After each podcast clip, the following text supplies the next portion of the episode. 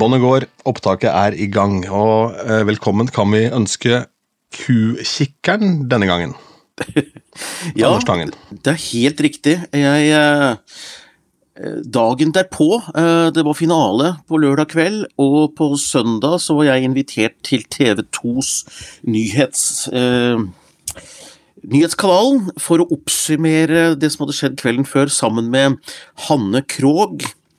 Og da pynter man seg litt, eh, så jeg hadde en blå blazer og eh, en liten sånn blomst, sånn der jakkemerke, sånn rødt og lys bukse og noen litt sånn pensko. Eh, Så skulle jeg møte samboeren min etterpå, for hun skal ta noen bilder av Robert Stoltenberg på mandag morgen ute på Bygdøy. Så trengte, hun trengte bare å se på locationen, rett og slett. Så vi var på vei ut dit, så sa jeg jøss, så mye kø det var her. Det var helt det var, det sto jo i alle retninger. Og da plutselig så kom det, så står det sånn svært skilt 'Velkommen til kuslipp' på, på Bygdøy Kongsgård. Så Den eneste måten å komme seg borti der hun skal til Vilder, det var å gå inn på det jævla kurslippet, da. Og det var jo Og det var jo sånn 17. mai-arrangement. Altså, det, det var så mye folk, og det var boder, og det var altså helt spinnvilt. Og jeg hadde jo ikke noe annet å ha på meg, så jeg måtte Så jeg satt da oppi sånn gresshaug eh, med grus og grønske og alt mulig, eh, med blazer og blomst, og satt der og så på kuer eh, i dag, dagen derpå. Litt sånn sliten, liksom, etter, etter, etter Grand Prix og, ja, og Hanne Krogh. Og, og ikke sliten av det, det var bare moro, men altså, det, det, var så absurd formiddag. Eh, så derav dette. Mm. Ja, nettopp, ja. Altså, jeg har sett noe av det morsomste jeg har sett i mitt liv, og det var altså en elektrisk rullestol som var berga en fullblods bergingsbil. Ja vel. Det var sånn svær jævla bergingsbil med plan og alt sammen, og så en bitte liten sånn elektrisk rullestol oppå. Så, Eh, utrolig. Ja vel. Eh, Nei, jeg har jo sett en del eldre mennesker kjøre sånn shoprider. Jeg har hatt lyst på en sånn en sjøl, egentlig, men jeg syns de er litt skumle, for de kommer så fort bak deg. Mm. Inne på kjøpesenter og sånn. Ja, nei, men eh, nok om det. Uh, Nok om det, ja. jeg- Veldig. Mm. Ja, veldig nok om det. Altså, Eurovision er jo nå over. Hvordan er det, Anders, da er det et antiklimaks for deg på en måte når festen er over? Nei, eh, eh, nei, egentlig ikke antiklimaks, fordi jeg går jo så inn i det at det er litt befriende at nå, nå er det mulig å fokusere på noe annet, liksom. Eh, og så og så lenge det gikk greit. Eh, jeg var jo mye redd for. Russland trua jo med å hacke dette her, og eh, demonstrasjoner, og kanskje Norge røyker ut i semien, og det er mye sånn herre eh, som vi har snakket om før, ikke sant? mye ting å være nervøs for. Så gikk jo det her helt fint. Eh, fin sending. Hun ene programlederen fikk blodtrykksfall, så hun ble jo borte. Folk som kanskje ikke la merke til det, men hun ble jo plutselig borte fra sendinga. Så eh, hun måtte gå og hvile seg og sånt noe. Eh, seks land fikk suspendert stemmene sine av noe eh, Eh, altså de, de, de, de fant at her er det noen uregelmessigheter, så, eh, og det kom ut i media nå at eh, det EBU mistenker er at det har vært en avtale mellom Romania, Montenegro, San Marino, Georgia, og Aserbajdsjan og Polen om å bytte stemmer. Derfor så gikk, derfor så gikk EBUI inn ja, i EBU inn og fant at her er det rett og slett muffins, så da er det en regel som sier at da stipulerer de et sånt gjennomsnittlig poengsum da fra disse landene her. og så To ting å si om det. Det er jo forferdelig hvis det gjøres sånne avtaler. Og det andre det er jo at eh, du lurer liksom ikke EBU, da. Det er jo Nei. noen systemer som virker her. Ja. Ja, det var det, altså det jeg skulle si, og Nå skal ikke jeg nevne navn, men jeg har kjent en del folk som har drevet utested opp gjennom årene, og så var det mye svarte penger i omløp på noen av disse stedene. Og Så sier jeg hvordan klarer dere liksom det uten å bli tatt? Og Så sier da en av de at det som er viktig, er at du tar den samme summen hver gang. Så Hvis inngangsbilletten er 70 kroner, så kan den være 100. Bare den er 70 på papiret, så tjener vi 30 kroner per gjest. Ja. Eh, og det er jo litt måten å gjøre det på. Det å gjøre en sånn hestehandelavtale med de som har mest peiling på å arrangere TV-show i verden. Det høres jo sånn Da er du idiot, da. Altså, det, altså. Ja, og særlig da når de ser liksom at ja, men her har juryen stemt helt annerledes enn i semien. Altså, det, det, det henger ikke på greip i det hele tatt, liksom. Så, så um, all ære til EBU som fanger opp sånne ting, da. Uh, så, så jeg er for så glad for det, og det er trist at noen prøver seg, for det, er, har vært noe muffens. Altså, Martin Østerdal, produsenten, sitter ikke foran 200 millioner mennesker og, og, og liksom leser opp poenger eh, bare for moro skyld. Altså, da er det en grunn til at han må gjøre det, og ikke det landet. Så eh, Nei, det er Pin, pinlig, er ikke det? Ja, det er veldig pinlig. Det, er, Ja. det, det har vært noen sånne tilfeller før, og liksom noen som har eh, gjort feil. Det, er noe, det kan jo skje. Man leverte inn et stemmeskjema opp ned i en jury og litt sånn, men eh, man trodde én var det beste, liksom, ikke to. Ja, sånn, ja. Mm. Ja, men det, det er jo feil. Men dette var jo åpenbart Hvis dette stemmer, da, så i hvert fall så er det sånn at seks land fikk eh, suspendert stemmene sine. Så det var sikkert en grunn til det, så det høres jo riktig ut, det. Mm. Ja, ikke sant. Um, jeg har jo da sett voldsomt lite, og det henger sammen med at jeg gjorde en spillejobb jeg ble kasta inn i på torsdag. Uh, for der skulle du spille en fyr som het Dino, som var en 18 år gammel gutt. En kompis av sønnen til uh, Hvordan ble dette? En kompis av sønnen til uh, samboeren til hun som fylte 40. Sånn blir det. Jaha. Så, så, Ja, ja, jeg henger med. ja, han 18 år gamle gutten han eh, fikk litt eh, kalde føtter, hadde ikke fått tak i musikken, han trengte ingenting, så han backa ut. Eh, Jeg inviterte han med meg på spillejobb for å på en måte få noen med litt erfaring inn i gamet, så kanskje han kunne bli flink og få den erfaringen han trengte. Turte ikke det heller, backa helt ut, stakkar. okay. Eh, Men jeg skal prøve å ringe han igjen til uka. Men i hvert fall så Der, der begynte jeg klokken syv, og jeg var hjemme da 04.30, eh, så det var en lang Oi. dag eh, der. Ja. Men jeg har fått hørt deler av sendinga på radio, for jeg tok det i bilen. Eh, og grunnen til det er at eh, min gode venn eh, Jon Marius Hyttebakk var programleder for denne radiosendingen for første gang. Og det er alltid hyggelig å høre kollegaer gjøre Eurovision-kommenteringen der. Det var stort for Jon Marius, så bra innsats. Ja, eh, jeg har ikke hørt det sjøl. Eh, for det var liksom Når du sitter og ser på TV, så blir det litt overkill å høre på radio også. eh, men, eh, men Jon Marius han gjorde vel ikke aleine heller, var det ikke to? Eh, lagde liksom mer ja. feststemning rundt det. Ja. Jo da, det var en person til der, men hun husker jeg ikke navnet på, dessverre. Nei. Hun bare beklager, men Jon Marius kjenner jeg jo, så hvis jeg hadde glemt han også, så hadde det vært litt stusslig. Men eh, det var i hvert fall Men jeg har sett, eh, sett eh, høydepunktene, og vi kan jo si at ei heller her går det Putins vei. Nei, det, det gjorde det ikke, og det gikk jo Alt gikk jo etter eh, på en måte etter skjema, da. Altså, Ukraina var den store favoritten, og dette her prorussiske eh, var ute og bruste med fjæra at nå skulle de hacke EBU, eh, og liksom skulle gjøre at eh, Ukraina ikke vant, og med sånn moha-emojicon på Twitter og sånn. Eh, Nei, eh, Ukraina vant de, eh, og, og det ble jo ikke noe hacking som jeg vet om, så det, eh, og, ja, og Ukraina vant. Og dette er det lille, rare arrangementet som Russland bare latterliggjør og sånn, men de bruker litt energi på å protestere på at Ukraina brøt regelen, så så, så uviktig kan det ikke være når det kommer til stykket. Nei. Ja. Nei, det er det som er bare trist og hele fjøla. Altså, det var snakk om backfire, hele den situasjonen der nå, for nå melder jo både Sverige og, og Finland seg inn i Nato også, så nå blir det Ja, nei. Det er liksom litt sånn eh, Hvordan endte vi her, ja? Nei, så det ja, var det, eh, det, det, er, det er som eh, det var, heter det Tom og Jerry, da du skal skyte med sånn pistol, og så bøyer de pistolen, og så treffer han en i panna, liksom. Det er det Putin har gjort her når han har gått inn i Ukraina, med sånne Ja, våpen. ja, ja, ja. Idiot. Idiot, idiot, idiot. Um, ellers så syns jeg det var en ganske fin finale. Det var jo veldig langt, da, men, men det tålte jo jeg greit. Det føltes ikke langt, syns jeg.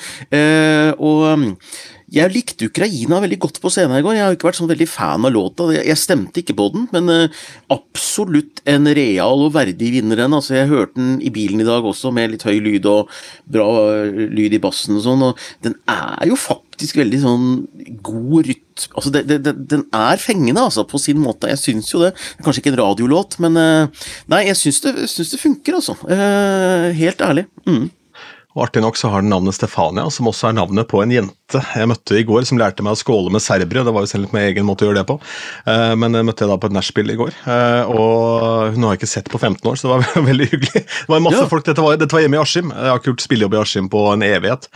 Eh, Så det var masse folk fra den gangen da jeg begynte å DJ der, som var på, besøk i går. Eh, Lite fokus på Eurovision på denne festen. Spilte Subwoolfer med god stemning der, selvfølgelig. Men det jeg merker meg mest i denne altså lista over eh, hvor folk havna, det er at jeg har lyst til å gi en skikkelig applaus til eh, Storbritannia, for nå er de tilbake.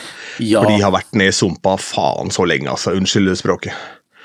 Det har de, og, og eh, Sam Ryder han er jo så, så blid, og han, han, går inn i dette her med alvor, men humør. Og ikke bare sånn ironisk humor, eh, men samtidig så har han en letthet i forhold til det, som er litt sånn ubritisk, samtidig som låta er Dette vet du mer om meg, men den, den er jo urbritisk, den låta. Du gjenkjenner på samme måte som du gjenkjenner låter fra Armenia, så gjenkjenner du også at dette er britisk pop. da. Uh, og det er så deilig at de greier å vise fram sin kultur, for det må jo de også få lov til. Ja, Det er en gjennomsyra god poplåt, rett og slett. Så var, eh, jeg prata om dette i sendinga mi på fredagen også, lada opp litt til Eurovision. da. Eh, og Da valgte jeg å spille Sveriges bidrag og denne, for den lå høyt på oddsen. Og da snakka jeg om nettopp det at det er jo få år siden de sendte Engelbert Humperdinck og Bonnie Tyler liksom, med noe gammelt søppel. Så um, det ja, jeg var litt usikker på om Ukraina kom til å ta det, men det lå jo i korta. Men samtidig så var det sånn Som vi har vært inne på, så pleier Eurovision å irettesette seg selv, da, på en måte. Eh, og så um, Ja, jeg syns det er en verdig andreplass, i hvert fall. Og det hadde jo vært en soleklar ener om ikke situasjonen var som den var. For det er vel en del sympatistemmer i miksen, men veit vel kanskje ikke stemme forholdet. Nei, eh, man veit jo ikke hvorfor folk stemmer på den låta de gjør, men, men eh, og, og, sympati er jo også en følelse, så det får være helt greit. Men, men eh, nå var det juryen som ikke hadde Ukraina på topp, da, og det var folket som liksom virkelig førte dem fram. og, eh, og så er det selvfølgelig mange ukrainere som nå bor i andre land, så det var sikkert en del diaspora-stemmer, altså sånn, eh, folk som bor i andre ja. land som stemte på dem, men, men, men, det var så overlegent at det, det, det, det, forklarer det liksom ikke, så jeg tror at uh, de som påstod at dette her var uh, bare sympatistemmer og feil vinner og sånt, og det er en slags sånn dårlig hersketeknikk, tenker jeg. Det er, ja, uh, er helt greit. Ja. Det må være en bra låt i bånn uansett hvordan du vrir og vender på det. Så, men det som er gøy da, å se, er jo uh, at, uh, at eh, presidenten i Ukraina umiddelbart liksom griper muligheten her til å spille PR-ballen videre. Da. For han har i hvert fall skjønt at det her er ikke noe litt TV-show. Altså. og sier at nå blir det, vi kjører Maripol, liksom. Det er bomba sønder og sammen. Men for gud ja. få det på. Det er ikke meninga å le, men det er liksom sånn selvfølgelig så foreslår han å ha det i Mariupol. Det er ikke Kiev, liksom. Jeg skal ha det liksom i Mariupol. Det er eh, Nei da. Eh, og, og, om det i det hele tatt blir i Ukraina, er vel litt tvilsomt. De må vel bestemme seg innen august. Men eh, det skulle liksom ikke forundre meg heller. Og nå så jeg på TV 2-nyhetene at en stortingsrepresentant, Torgeir et eller annet, som jeg ikke husker etternavnet på, eh, var jo ute og sa at hvis Ukraina trenger hjelp her, så syns han at Stortinget skal stille opp med det. Og kringkastingssjefen var der og sa at hvis EBU henvender seg til oss, så er NRK klare til å bidra. Om det ligger i det at Norge tenker på å arrangere det, det veit jeg ikke, og jeg tror vel egentlig ikke det, men, men at det er en slags type eh, at de kan sende noen ressurser. da. Altså for det er klart at Hvis man lager et spleiselag at uh, de sender ned Team Tønnesen, da, som er en av verdens beste Steadicam-fotografer, så sender de inn Stig Karlsen som prosjektleder, og så sender Romania sin uh, fløytespiller, og så lager de seg dugnad uh, for å komme personell, kanskje? Eller penger, eller jeg vet ikke. Ja, Det ble en kombinasjon av de, men det som var veldig stas, da, var det at jeg valgte jo da å sove på min fars sofa, og han vekka meg da etter å ha vært på en eh, campingtur. Eh, på, på solo-campingtur nå, for min stemor er på sykehuset med noe behandling. Så han kom hjem og vekka meg, da, for han hadde våkna for tidlig. Så venta han litt med å kjøre hjem da han visste at jeg så på sofaen. Uh, og så hadde han store planer med å se Eurovision i går. Han rakk ikke å få sett noe særlig før han sovna i stolen der, i godstolen. Jeg mistenker at han kanskje tok seg et par Jegermeister der i løpet av ettermiddagen. Mm. ja. Men da spurte han hva altså, Det kan da umulig arrangeres i, i, Ukraina. Og da har jeg sittet her og snakka med Tangen, så har jo jeg litt sånn inside. Så, altså, mest trolig så er det storebror Tyskland som tar dette. ikke sant? Og så da hadde jeg kunnskap å dele med Kjell, og det var hyggelig. ja, Så bra. Nei, så bra. Jeg, jeg merker jo at vi Utgangspunktet for podkasten var jo liksom du er DJ-en, vi skal se liksom hvor dypt vi kan få deg i Grand Prix-sumpen. Og nei, det vi gjør it's, it's go, Det er progress. It, it's going det er, det er down. It's going down. men, going men Tyskland ender jo faktisk da helt sist, da. Og det hadde vært litt sånn heftig om de bare sa men vi arrangerer for Ukraina likevel. ja, ja, eh. det er jo et paradoks så stort, og jeg syns ikke han Malik eh, hadde fortjent seks poeng totalt. altså Det, det er for dårlig. Låten er så dårlig, den låten. Nei, jeg, jeg, liker den jo kjempegodt.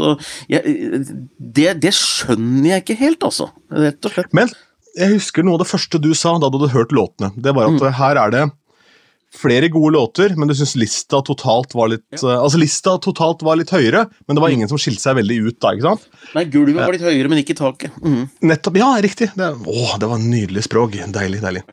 Er det noen overraskelse hvis vi ser på topp ti, så er det vel ikke all verden av uh, Altså Nei, nei da, det, oddsen stemte jo ganske brukbart, men det er klart at Litauen og Serbia kom jo mye høyere enn det noen hadde trodd, da, og det overraska meg litt også, men, men uh, Serbia blei jo veldig morsom på det eh, startnummeret de fikk. Hun som satt og vaska hendene i den derre mip, mip, mip. Apropos PR, liksom. Ja, det er jo genialt. Ja, det er genialt. Altså, det, det, det, er jo ikke noe som er delt mer omtrent fra Eller det må i så fall være Subwoolfer eller mm. da selvfølgelig Ukrainas seier, da, enn den der som sitter og vasker hendene. Men det er enda mer effektiv koreografi, for du, du kan sitte altså, han, han, Den elektriske rullestolen du sa som ble redda av en sånn svær eh, bil eh, Alle kan være med på den dansen der, for det er egentlig bare hendene du skal bruke. Mm. Så den er jo superuniversell. og så fikk jeg en idé. Jeg fikk en idé, fordi det er jo fortsatt ganske stor forskjell på hva, hvordan juryene stemmer, og hvordan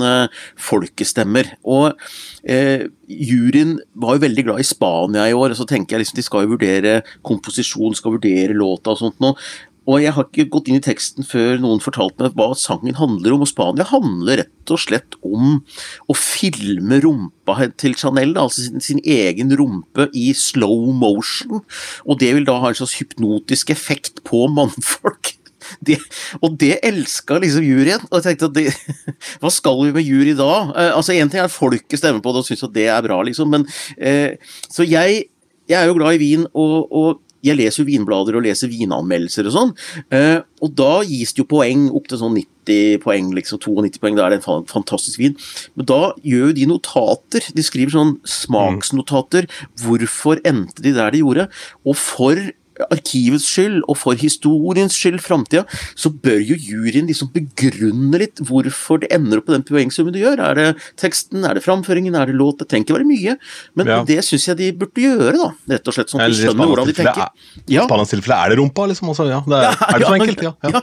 Da får de skrive det, da. Eller? Ja, ja, ja. ass, altså. Ja. ass, ja. men eh, nei, men det er jo igjen da litt sånn pinlig, da. Det er jo, men samtidig det var sikkert fengende, da. Det er jo, Den endte jo høyt opp her uansett, det er ikke bare jurystemmene. Ja, ja, det var en kjempelåt, og, og Chanel framførte den kjempebra, og helt utrolig rå stemme, og eh, flott scenenummer på alle måter, men, men eh, men, men, ja, hvis ikke juryen går inn og sjekker teksten og liksom ikke trekker litt på det, så, så, så, Nei, da, da, er det vanskelig å være for jury. Jeg er fortsatt for jury prinsipielt, ja, altså, men uh, i gode onde dager. Og nå har det vært litt onde dager. Det har vært avtaler mellom juryer om stemmer og seks land. Og, altså, det, det, det, var ikke det beste året for juryen i år. Det var ikke det, altså. Men, men. Nei. Det er uh, også, også, et rart år å finne på juks i når det på en måte er ekstra fokus fra EBU sin side med tanke på den trusselen fra Russland om hacking og, og dritt og lort, liksom. Ja, Men uh, et par ord om Amanda, eller, som ender da på en åttendeplass, to plasser over Subwoolfer. Uh, suverent. Ja, og fikk jo tolleren fra Norge. Eh, noen syns jo det er litt Ja, det er gøy, og noen syns det er litt kleint, for dette var det fordi var det fordi hun er norsk osv. Men det, jeg syns hun hadde en fantastisk låt, og ja da, kanskje det var litt fordi hun er norsk, skal ikke se bort fra det. Uh, og det er jo litt kleint, selvfølgelig, men samtidig så er låta litt sånn norsk i formen. altså Det kunne vært en låt som var med i MGP, så det er egentlig ikke så rart at Norge gir den tolv poeng heller, fordi det er innafor norsk musikksmak veldig, den låta, syns jeg. Det er en sånn låt som mm. kunne vært med i MGP og kommet, og kanskje vunnet, liksom. Mm. Jeg har en oppfordring også til eh, et annet norsk band som eh, heter Madrugada.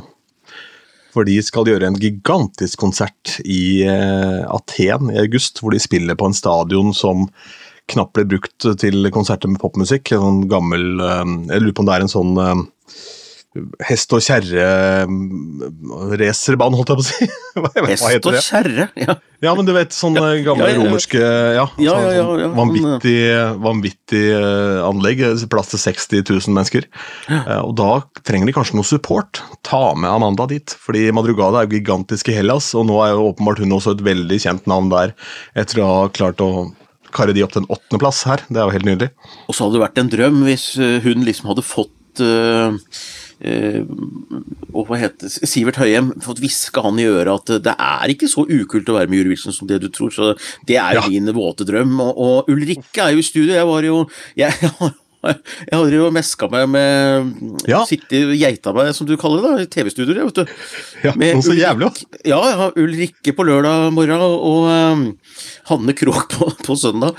Og da sitter du på bakrommet og skravler, da. Og um, Ulrikke hun er jo i studio da, og sier at det er ikke sikkert det blir 2023, eller eh, kan bli 2024, men hun er veldig lysten på låt, og, og hun jobber veldig aktivt nå med MGP, da, så alle som har savna henne, eh, kan jo glede seg over det. Jeg syns det har vært kult. Så da duett da, mellom eh, Sivert Høyheim og Ulrikke hadde jo vært kult.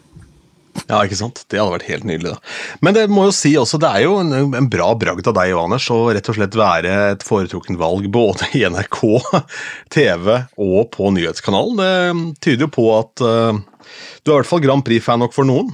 Ja, jeg er Grand Prix-fan Prix-fan for noen, så nå, nå går jeg for eh, hard talk på CNN neste år. Eh, nei, men, det nei, men vet du hva, jeg, jeg syns det genuint er koselig, og, og det var, men, men det er klart at eh, da jeg satt der i går, da, eh, så sier han programlederen at eh, Ja, og du Anders, du har jo, du har jo vært eh, sånn Grand Prix-talsmann i en årrekke. Og da kom det ordet årrekke inn. Det er ikke et ord jeg liksom har forholdt meg til, så da måtte jeg bare si oss på lufta at ja, nå har jeg blitt en sånn en, ja. Men det, så sier han programmet ja, det må du bare tåle. Og så fant jeg ut at eh, det er faktisk 2009 jeg var i det samme studioet for første gang da Rybak skulle vinne, så jeg har vært innom der da noen år. Så det er eh, det er jo koselig, det. Eh, sier ja når jeg blir spurt, ja. Jeg tror kanskje det er litt lett også at jeg ikke representerer noen. Jeg er ikke president i Grand Prix-klubben. Jeg er egentlig Jeg kan snakke fritt, da. Det er jo egentlig litt deilig, Ja. det òg. Mm. Så er det jo en flink, flink fyr, da. Det er jo noe med det òg. Ja, tusen takk for det, men det er jo Jeg, jeg tar telefonen og ringer, og så sier jeg ja. Koselig. Det er genuint koselig. Ja, men jeg tror det, tror det er eh, også ofte, som vi har vært innom her også, så er det jo noen som har full oversikt over alt og statistikk og alt mulig rart, men det er veldig lett at det ikke blir så folkelig, da, for det blir jo veldig sånn oppramsing av ting og sånn, mens du er litt sånn interessert i hele pakka, da? Og, da, og vin i tillegg og litt sånn forskjellig, da kan det enkle ting å dra opp av hatten da, her og der. Det er en grunn til at vi har den podkasten her òg. Jeg hadde ikke giddet å starte en Grand Prix-podkast med Jeg hadde ikke invitert noen til å starte Grand Prix-podkast hvis ikke jeg på en måte følte at det var noe å snakke om. Hadde du bare sittet eh, hele tiden og retta på alle ting jeg sier feil og lagde masse poeng ut av det, eh, så hadde ikke det vært noe gøy. Nei, da, og, og vi trenger de. eh, Grand Prix-historikerne er superviktige. Jeg, jeg, ringer jo av og til til noen av dem for å høre hvordan var dette her, når, når vant en fra start nummer én sist og sånn. For det er ikke ting jeg har oversikt over. Men jeg er jo veldig glad for at noen syns at det er gøy å ha oversikt over også, da. Det er fandom på totalt forskjellig vis, ikke sant. Det er det det handler om. Skøytetider er jo også forskjellige, men, men når det kommer til skøyter Dette er en avsporing, eh, bokstavelig talt. Nei, men hvis du er opptatt av skøyter, da er det ikke så veldig mye annet å ha det gøy med enn tider, egentlig. For det er, ikke så gøy å se på skøyter hvis du ikke er opptatt av skøytetider, er det det? Eller Nei, det er buljong, da. det er buljongpar, ja. Ja. ja. Og størrelse på herrelår er jo ganske heftig, for det så var jo helt ville Ja, det blir jo gjerne det når du trener for å gå på skøyter. De er store. altså Jeg bodde jo på Hamar, eller jobba på Hamar en periode. da Innimellom så det, det var jo ikke noen nordmenn som dro på vikingskip, men det var jo fullt av nederlendere annenhver helg. For det var jo et eller annet skøytearrangement. Da kom det sånne oransjekledde eh, nederlendere og er så stolte og tror liksom de er eh, Hele verden ser på dem, da. Men det er jo egentlig bare nederlendere som kommer. Og hvis Norge er populære, så er Norge der.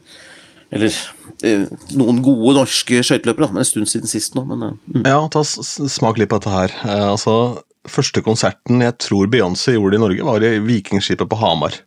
stemmer det. Da måtte det kjøres busslaster med lyttere som hadde vunnet ting og tang på forskjellige kanaler, for det ble ikke fullt. Det var ikke Det var, ja, det var litt for, eh, for, for mye for Hamar. Ja, sier du det? Det var ikke fullt, nei. Nei, men Telenor Arena ble smekk utsolgt noen år etterpå. Da var hun en større stjerne, skal sies da, men allikevel. Så hadde jo hele Destiny's Child-katalogen og et par svære hits i sekken der. Ja, men det er også en avsporing. Beyoncé ser vi neppe i Eurovision med det aller første. Det, da er det noen som skal med, da må Putin bla opp noe jævlig, i hvert fall, for å få dette opp på stående når han slipper til igjen. Ja. Um, eh, Subwoolfer på tiendeplass, eh, er vi happy med det? Det var jo på en måte spådd enda litt høyere, men jeg syns det er eh, Ja, jeg syns det er en fin plassering. Det er helt strålende, og, men det er klart at Uh, Altså, Joust kom på tiendeplass i 2017. Uh, da gikk jo folk Altså, folk gikk jo bananas, eh, fordi den trodde kanskje liksom ikke det, eh, og derfor så ble det en stor feiring.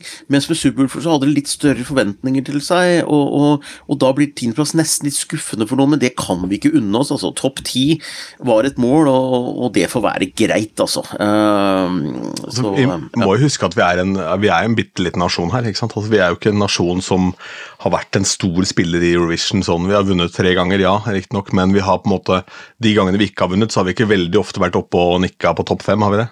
Nei, vi har ikke det. Og så er Norge da et sånt land som mange har som favorittlandet sitt i Eurovision, fordi vi gjør så mye eh, Vi gjør ting på vår måte. Han Tobben Ek, som er en sånn svensk eh, eh reporter i, er vel i Ekspressen, er det ikke det? Eller er det Aftonbladet? I hvert fall en av de to her. Eh, som eh, snakker om Norge, og han sa at Sverige hadde jo aldri turt å sende Subwoolfer, jeg tror du også har sagt det. Det hadde Sverige aldri funnet på. Mens Norge, vi kan sende Carl Espen, en sånn dørvakt fra Bergen, som står og synger en sånn soft ballade Einar, og så sender vi noen ulver eh, noen år etterpå utkledd. Så du veit aldri med Norge hva vi kommer med, og det syns mange er kult. Men det gjør jo så ikke sånn seife jurypoenger, for vi kan jo bare sende sånne svenske låter, vi også, og sikre oss jurypoeng og ligge og vake. Eh, vi kan det, men det er ikke noe gøy. Altså, vi, vi tar noen sjanser noen ganger. Ja, for det er jo det på en måte da svenske altså Sverige tenker jo business på en helt annen måte. Det er en grunn til at de ligger der de gjør hvert eneste år, fordi de har en popmaskin. ikke sant? Også, ja. I Norge så har vi liksom noen som treffer rett eh, på blinkende bullseye i form av Kygo Matoma, disse her som virkelig slår, og så blir det en sånn underskog av andre folk, og de er liksom interessert i f.eks. av Cashmere Cat, da, som er en kjempestor produsent mm. internasjonalt. Eh, Ina Wroldsen som skriver låter for store internasjonale artister. er liksom de driver med sine egne ting, eh, og så holder de på med det på siden der, og så er ikke det noe som gjennomsyrer hele norske popbransjen, eh, på samme måte som det gjør i Sverige, hvor f.eks. Max Martin fremdeles er relevant som produsent av nye skiva til The Weekend i 2022, men så gjorde han også Britney Spears tilbake og Ace of Base sammen med, sammen med Dennis Pop og gutta i den gang da, men det er kollektiv mentalitet hele veien, da, så jobber ja. med de lærer noe av den gamle ringreven, og så er det unge krefter som kommer med nye, spennende ting. Og det er jo det som ligger bak ja, så utrolig mye bra svensk popmusikk, da, som bare blir store hits. Ref denne Svag da, ikke sant, med Victor Lexell. Hadde det vært ja. en norsk artist, så hadde han jo aldri slått i Sverige. Nei, Nei det er sant. Uh, og, og, og det, men det, det, du snakket om der med altså, musikkindustri og eksport og sånt Jeg, jeg satt på bakrommet i dag og leste papiravis med VG. Leste intervju med Alexander Rybak fra Los Angeles. Og da, da slo det meg liksom Han går på den som er eh, karakterisert som eh, verdens nest beste musikkskole, eller eh, pop, som, om filmmusikk, da. Ja. Så, eh, og han sa at nei, han eh, han vurderte nå liksom å selge egentlig alt han hadde, og bruke de penga på å kjøpe seg et studio i Los Angeles. Komme seg ut av komfortsona og sette i gang. og da tenker jeg liksom der, Men han sa at jeg hadde aldri turt det hvis det ikke var fordi det tilhørte Eurovision-verdenen. For det er Han er så opptatt av at jeg tilhører et sted, og jeg kommer alltid til å tilhøre Eurovision-familien. Og jeg er så heldig som har en familie innafor musikkbransjen å tilhøre. Og det er så herlig å høre at han går så inn i dette her og står så veldig for det, for det er nok av de som har vært med i Eurovision en gang, og sånn Ja, jeg var litt ung og gæren en gang, det er ikke det jeg er mest stolt av. Og så begynner de å trekke seg på det de var med på, og det er så usjarmerende. Mens han står i det. Han er Eurovision-fyr, selv om han kanskje om ti år Gudene vet hvor han ender opp. Han er jo kjempetalentfull med et studio i Los Angeles, ikke sant, så er det altså, er en del av norsk musikkindustri. Ja, som musiker også veldig dyktig, og så har han jo på en måte Han har kanskje ikke den teften for de der poplåtene som er blitt sånn radiohits, eh, for der har han jo liksom gjort to ganger med Eurovision-deltakelsen, og så hadde den der Funny Little World, het den vel, ja, eh, som ble en radiohit i kjølvannet av eh, Fairytale, men Fairytale skiller seg for mye ut til at den ble spilt mye på radio. Også den andre, That's How We Write a Song, det er kanskje min favoritt der. Jeg spilte den på, på fredagen i sendinga mi. Ja. Det var en takknemlig dag å ha en sånn fredagssending hvor man skulle snakke litt om Eurovision, for det var jo både, eh, både eh, bursdag og merkedag for den dagen da Nocturne vant. Det var jo den datoen tilbake i 95. okay. eh, og det var bursdagen til Rybak på fredag. Det var mye på en gang, ja. Ja, så da fikk du liksom litt å knagge det på, da, istedenfor bare å sitte og prate om, om fakta og at det nå er finale i morgen og masse Ukraina-prat og krig og elendighet, for det skal man liksom ikke ha så veldig mye av i den sendestrekket der. da. Men eh, nei, eh, han har jo alltid slått på en sånn fascinerende type, og så går han all in, da, som satan, holdt jeg på å si. Ja, ja, ja. ja. Ja, ja, det er eh, så Og unorsk igjen, da. Å bare hive alt på havet og satse, liksom. Det var jo ja, Espen Lind. ja. Da de flytta til, eh, til eh, New York og etablerte studio, så jobba de med absolutt alle. Og um, det var ikke så veldig mange som ville jobbe med de, fordi hvem er de folka her? ikke sant? Mm. Og så kommer da han kameraten fra Train. Og de har ikke hatt en hit da på ti år. De hadde en hit med, med Drops of Jupiter, og det er da et av de få bandene som syns det er ålreit å gjøre en session med disse nordmennene, ikke sant? fordi ingen ville ta i de med ildtang. Nei. Og den Hey Soul Sister er den mest spilte sangen på amerikansk radio året etter. Den største hitene det året, liksom. Oh ja, den kom Eh, derfra, ja. Den kom derfra. Det var den forbanna ukulelen da, som lå ute i Ja, bilen. Ja, ikke sant? Stemmer det. det var det du, ja, ja, ja. Ja. Stemmer det er, ja, det er jo rett og slett det at du må liksom aldri gi deg, for det var noe av det siste som ble gjort i den session der. da. Og, nei, Det blir gøy. men må høre, må kanskje begynne å følge Jeg tror ikke jeg har Alexander i sosiale medier, må følge han litt på den reisen der, da, for det kan jo bli kjempemoro. Ja, han skrøt fælt av TikTok-kontoen sin. Han har visst fire millioner følgere eller sånt på TikTok. Wow, etter hvert. Er shit. Ganske mye, så han, eh, han, han jobber litt med TikTok også, selvfølgelig gjør han det. Han, eh, han har blitt 36 år, han da, så han begynner å bli en voksen kar. Eh, Men det, blir, nei, men det var gøy, og en liten sånn adlib til det du snakker om med eh, norsk musikkindustri og norsk musikkeksport. Da, så er det jo gøy når, eh, ja, når vi har noen som drar ut og prøver seg. Mm. Selv det er ikke popmaskin, men det er ikke Kanskje det ikke er Norge, da. Kanskje det er Sverige som skal holde på med det. Og så kan Norge drive med disse her litt sånn litt mer særere, litt mer melankolske greiene og treffe blink litt sjeldnere, men kanskje enda bedre blink når vi treffer, da. For det er, eh, Mm. blir mer ikonisk på den måten, tenker jeg. Ja, helt, helt enig. Men så er det igjen, da. Jeg føler vel at eh, vi har to inne blant topp ti, da. Det er det ingen andre som har. Så Hva tenkte du på nå? Uh... Nei, Amanda og Å ja, ja, ja, selvfølgelig. Ikke sant. Selvfølgelig. Og var det på Eurovision. Ja, to, ja, stemmer. Og det er jo eh, Det er jo veldig gøy. Vi hadde, det er jo helt soleklar ny rekord i antall nordmenn på en Eurovision-scene, i hvert fall. Det var jo Ja. både Tsjekkia og Men det, det Rasmus, jeg husker ikke hvilken plass de kommer. Langt ned, i hvert fall. eh, 18-19 Langt, ja. plass eller noe sånt. Ja. 21., faktisk. 21., ja. ja. Så Mm. Men det gjorde sang- den Rosa Linn også. Kom jo bare på 20.-plass. Den Snap den syns jeg var utrolig catchy, den Armenia-låta. Jeg liker også den veldig godt, og øh, den lå i min topp ti, den. Men uh, Rasmus, jeg vet ikke, han var kanskje litt uh, bleik, han vokalisten. Ja, og så, var det jo en rockelåt, da. Det er klart, eh, skal rockelåt vant i fjor, så Ja, det er det. mm. Måneskin sleit noe med noe øh, hofteproblem Altså ulykkegreier, så han ble veldig sliten, han øh, vokalisten der også. Så det var, det var litt helseutfordringer på scenen i går. Blodtrykksfall og måneskin med krykker og Det var liksom litt sånn er det, er det omsider konsumet av hvitt brød og vin som har tatt italieneren, altså? Ja, jeg lurer kanskje på det, altså, rett og slett. At, øh, at det er litt Ja, litt u, ustabilt blodsukker, altså. Eh, ja. Ja. Hva om vi skal ta oss og kikke litt i krystallkula? Det er en vanskelig oppgave, jeg vet, men Ja. jeg, spør allikevel. Hva er det du vil ha fra Stig Karlsen og co. neste år? Hva er, det, hva er drømmebidraget på en måte som Tangen ser for seg? Ikke snakk artister og sånn, men sånn snakk litt store, store ord her. Nei, ja, jeg For det første så, så vil jeg eh, ha en jury i MGP. Fordi vi kan mene hva vi vil om jury, men så lenge det er jury i Eurovision, så kommer vi aldri til å vinne. Hvis vi ikke treffer både hos bransjefolka og vi treffer hos eh, hos uh, seerne. Så, så jeg vil ha en låt som er uh, kul fordi den er kul, uten at man må kle seg i gule masker eller lage et veldig helsikas uh, konsept på sida for å slå an, for å være litt stygg med Søver, for jeg mener ikke at de gjorde det, de gjorde det genialt, men jeg vil ha en låt som står på egne bein, eh, litt sånn Margaret Berger-aktig eh, vil jeg ha, eller en eh, ja, en råtøff poplåt, og så vil jeg at de skal hente inn de beste produsentene og låtskriverne, og ikke bare fra disse låtskrivercampene. Eh, snakk om Espen Lind, da. Eh, Tom Hell, kunne han skrevet noe? Kunne Marit Larsen skrive noen ting? Eh, jeg får tak i ikke bare leit innafor familien, tenker jeg, men finn gode poplåter. Kunne Matoma bidratt? Altså, men jeg vet ikke, det er jo ikke økonomi i det, kanskje, men det er jo eh, nå nevnte jeg ikke direkte artister, men nevnte i hvert fall noen bakfolk. da. Og Tix, ikke som artist, det ønsker jeg meg ikke, men, men han uh, Sweetbat Psycho altså Han er jo fantastisk produsent. Så han er jo litt Han har blitt, fått litt, han blitt litt stuevarm, da. Så jeg tenker mm. han burde kanskje kunne bidra med noe på den sida ja. der.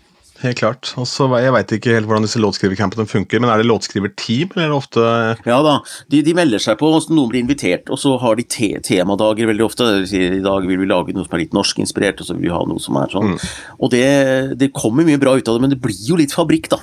Altså, jeg tror at ja. Jeg tror nok at de aller beste låtene de kommer innenfra på en eller annen måte, fra et behov for å uttrykke noe. Jeg tror mest på det, for å være helt ærlig.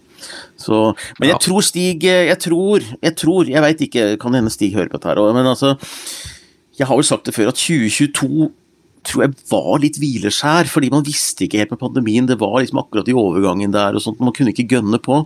Men neste år så tror jeg nok de gønner på igjen og vil eh, ha det stort. Og da vil han også ha det bra. Vi skal huske det at MGP 2020 hos musikkanmelderne så var det ikke én eneste låt med i den norske finalen det året som hadde under terningkast fem på eh, Dagbladet og VG. Ikke én eneste en hadde lavere enn terningkast fem. Det har jo nesten ikke skjedd. Hvilket år sa du? 2020. Ja, wow. Det er imponerende, altså. Det er det, men det var det året hvor vi ikke fikk være med fordi det ble det nedlagt. Eller fjerna pga. pandemien. Ja, nei, men, det er jo det, men sånn er det jo. Men det er det som man kanskje kan håpe at man har gjort her med Subwoolfer, er at det var såpass rart og friskt at da kanskje det melder seg på noen andre. Og så tenker jeg at uh, vi må ikke være redd for å dele writing credit og bare få på mer folk som tenker litt annerledes. fordi jeg gikk inn for moro skyld og så på en av de absolutt beste låtene som er uh, gitt ut de siste 10-15 åra, det er jo da Blinding Lights med The Weekend. Den har staying power så det holder. Eh, lavt tempo, en rar, suggererende greie. og sitter på alle plan, trykker på mm. alle knapper. og Grunnen til at jeg kom på den, var at ja. Eh, det var en låt med The Weekend som kom på radioen. Da faren min kjørte meg da ned til sentrum for å hente bilen min i dag. Ja. Så sier han han der han har noe helt spesielt. Ja. Og faren min han, han, har, han eier ikke en CD-plate omtrent. altså Favorittbandet hans var Dr. Hook, og så hadde han eh, en plate med Céline Dion som han syntes var ålreit. Og så kom en sånn 10-12 år etterpå og sa at det hadde kommet en ny jævla bra låt nå. Og det var Unbreak My Heart med Tony Braxton. Den var ikke spesielt ny. Men her er det også på den låta så er det en helt vanvittig mange låtskrivere. Ja. Uh, men så er det få produsenter. Uh, og svenskene er selvfølgelig inne her med Oscar Holter og Max Martin, da, som er, uh, er, de store, store lokomotivene. Men så er også artisten involvert, og noen av folka rundt han. Og alle disse har fått credit på den låta, selv om da Det her er modellen til Max Martin og co. i det Wolf Cousins-teamet sitt. er at de deler, gjør låta så god som mulig, og så istedenfor å da liksom svømme innover og ta til seg all writing credit. Nå vet ikke jeg nok om hvordan prosessen her fungerer, selvfølgelig, men jeg tenker det at uh, hvis vi går for å vinne, da, så må vi jo uh, må vi jo enten gjøre som i år og sende noe som skiller seg ut veldig, og uh, i et, i et normalår uten krig hadde Subwoolf gjort det bedre eller dårligere? Jeg tror, de, jeg tror ikke det har så mye med krigen å gjøre, men uh, Hanne Krogh hadde et poeng i dag uh, hvor hun sa at uh, folk hadde kanskje ikke moralsk samvittighet til å stemme på Subwoolfer. Altså, noe som er, blir så tullballete, liksom. Fordi den vant jo MGP før krigen. Jeg er ikke sikker den hadde vunnet MGP en gang, hvis det var krig eh, da, liksom, kanskje. Så det kan ha en betydning, men jeg tror stemme, altså startnummeret var det som egentlig var eh, utfordringen, tror jeg, ja. for uh, Superclub. Det, liksom ja, det får vi ikke gjort noe med uansett, nei, men nei, da, må, da må, låta må være god nok, da. Men da får vi gå for et sånn superteam. og det gjorde man jo delvis med Tix, da, ikke sant. Ja. Eh, men samtidig så var jo veldig mange kort satt på én fyr, da, ikke sant. Det er akkurat det. det var avhengig av å like han som karakter eller person eller whatever. Eh, mm. Og hvis ikke du kjøper han, på en måte, eh, og den pakka, så liker du ikke låta heller. Nei, Nei så, så... Jeg, jeg, vil jo liksom eh, Men jeg tenker uh, Ulrikke har Grand Prix-materiale. Hun har mulighet til å lage konseptet og få de beste folka rundt henne, da. Og, så, og, og få opp et par-tre andre, sånn at de girer hverandre opp. Og så fyller du på med noen andre som trenger dette for å få markedsført seg litt, og så lager du en kjempekul finale, og så, og så håper vi det beste. Helt klart. Og så rigger du det i forkant med litt remix og litt sånn forskjellig, så du får krydra markedet litt og spredd også da ja.